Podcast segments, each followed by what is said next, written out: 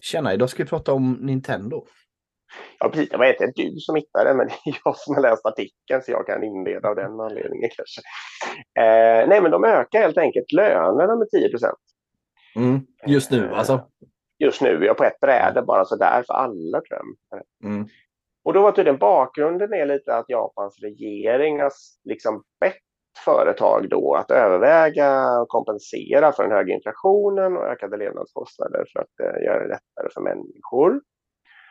Eh, sen har de också, de hade en vinstprognos, undrar om den var 560 miljarder yen kanske. Eh, och sen dragit ner den till 480 miljarder yen. Ja, det är mer än 10 procents minskning då av vinstprognosen. Men jag vet inte vad deras lönekostnader, hur mycket det är av hela deras totala kostnadsmassa. Gissningsvis ganska mycket. Ehm, men det är intressant då för att eller jag har massor olika takes på det här. Men ja, du Mm. sa ju en sak att eh, det är ju inflationsdrivande också.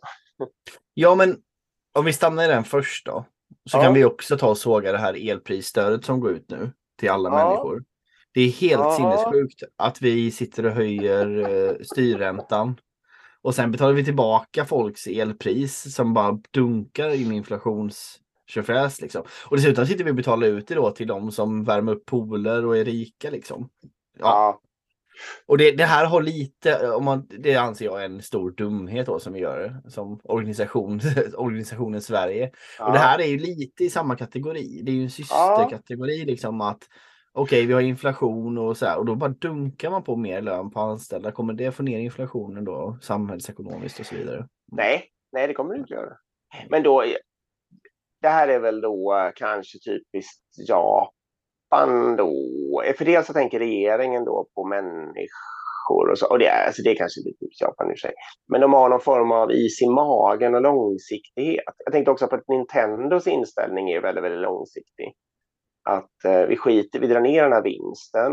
Eh, vi vill att alla våra anställda ska ha det bra vi tycker att det är värt att, um, att ha lägre vinst och lägga alla de här pengarna på de här löneökningarna nu. Liksom. Och troligtvis, alltså människor kommer ju komma ihåg det och vara lojala. Eh, och det tycker jag på något vis är typiskt det japanska samhället, att man ofta satsar på det, det sättet att man liksom tänker bortanför nästa års bokslut. och det, det kan man ju säga, det, det förvånar mig lite att många organisationer har ju liksom ett konstant vinstkrav helt oberoende av världsläge. Och jag menar det kanske hade varit rimligt om man har en vinstmarginal på 10% generellt. Liksom. Då kan det vara rimligt att säga det att nej men vi går ner till 7 och så håller vi inte på att sparka folk. Eh, men ofta är det inte så utan det är nej, vi behåller 10 till ja, in i döden så att säga om det även innebär att vi ska Ja. och det skapar ju massor med psykologisk otrygghet och så vidare och så vidare. Mm. Ja, nej, exakt. För nu, ja, man kan starkt misstänka att de tjänar på det långa loppet för att de får behålla en massa smarta människor och för att de har visat upp för samhället att de har tagit någon slags samhällsansvar. Ja, och folk blir väl väldigt lojala också. Det ökar tryggheten och så vidare. Mm, absolut.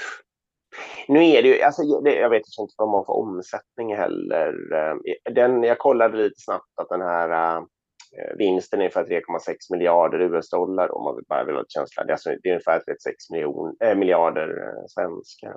Mm. Men ehm, det är väl ett stort företag förstås och det går ju uppenbarligen bra eller tillräckligt bra också. Så det är klart att jag fattar ju också att det blir svårare beslut när- om man är på minus. Jag menar många Mm. andra techjättar drivs ju kring, eller vissa i alla fall drivs kring nollresultat eller att de har väldigt volatilt resultat. Ja, eller förlustaffär. Mm. Ja, och det är klart, de hamnar också i ett mycket, mycket svårare läge ifall att finansiärer börjar dra sig ur och sådär. Och de verkligen skulle behöva jättelika kapitaltillskott för att kunna fortsätta. Så jag fattar att det Mm. inte det är inte svartvitt och så vidare. Men det är ändå en väldigt intressant eh, liksom inlägg i den här debatten, att säga, eller bland de här agerandena som olika företag gör, tycker jag. Eh, Mm. Som ändå var väldigt uppfriskande. Nej, jag håller Ja, med. Det, var fem det.